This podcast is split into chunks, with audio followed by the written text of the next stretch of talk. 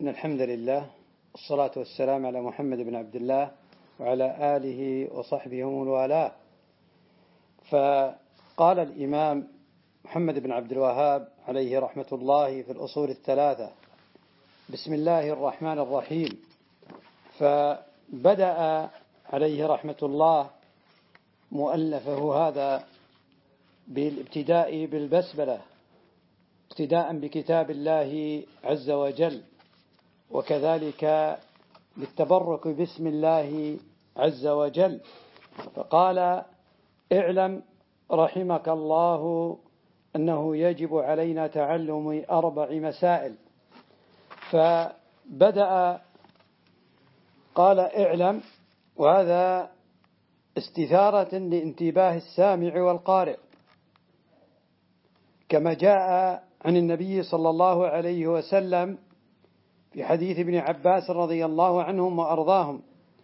أن النبي صلى الله عليه وسلم قال له وهو رديفا له على الحمار يا غلام إني أعلمك كلمات.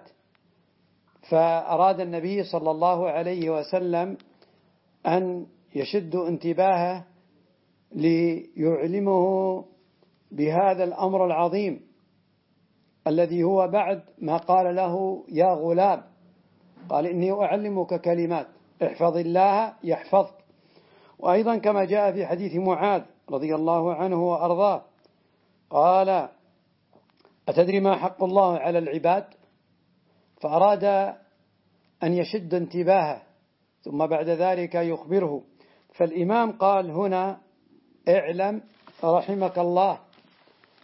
فأراد أن ينبه القارئ والسامع والمتعلم. فهنا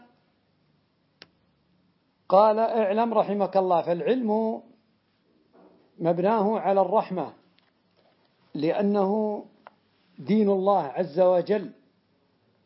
ولهذا الله عز وجل قال النبي صلى الله عليه وسلم وما أرسلناك إلا رحمة للعالمين. أيضا جاء بحديث النبي صلى الله عليه وسلم كما في صحيح مسلم من حديث أبي هريرة رضي الله عنه وأرضاه. قيل للنبي صلى الله عليه وسلم ادعوا على المشركين. قال إني لم أبعث لعانا وإنما بعثت رحمة. فهو عليه الصلاة والسلام الرحمة المهداة. وقال النبي صلى الله عليه وسلم كما عند أحمد وأبي داود والترمذي قال عليه الصلاة والسلام الراحمون يرحمهم الرحمن. فهذا العلم الذي هو دين الله الذي هو الوحي الذي جاء به النبي صلى الله عليه جاء به جبريل إلى النبي صلى الله عليه وسلم هو مبناه على الرحمة رحمة للخلق رحمة للعباد. ورحمة أيضا للمخلوقات. فقال اعلم رحمك الله. فهكذا دعوة الأنبياء والمرسلين ودعوة المصلحين رحمة للناس فتدلهم وتنجيهم من الظلمات إلى النور. فهكذا على كل من دعا إلى الله أن يكون يدعو إلى الهدى وإلى الرحمة بالناس وتعليمهم دين الله عز وجل.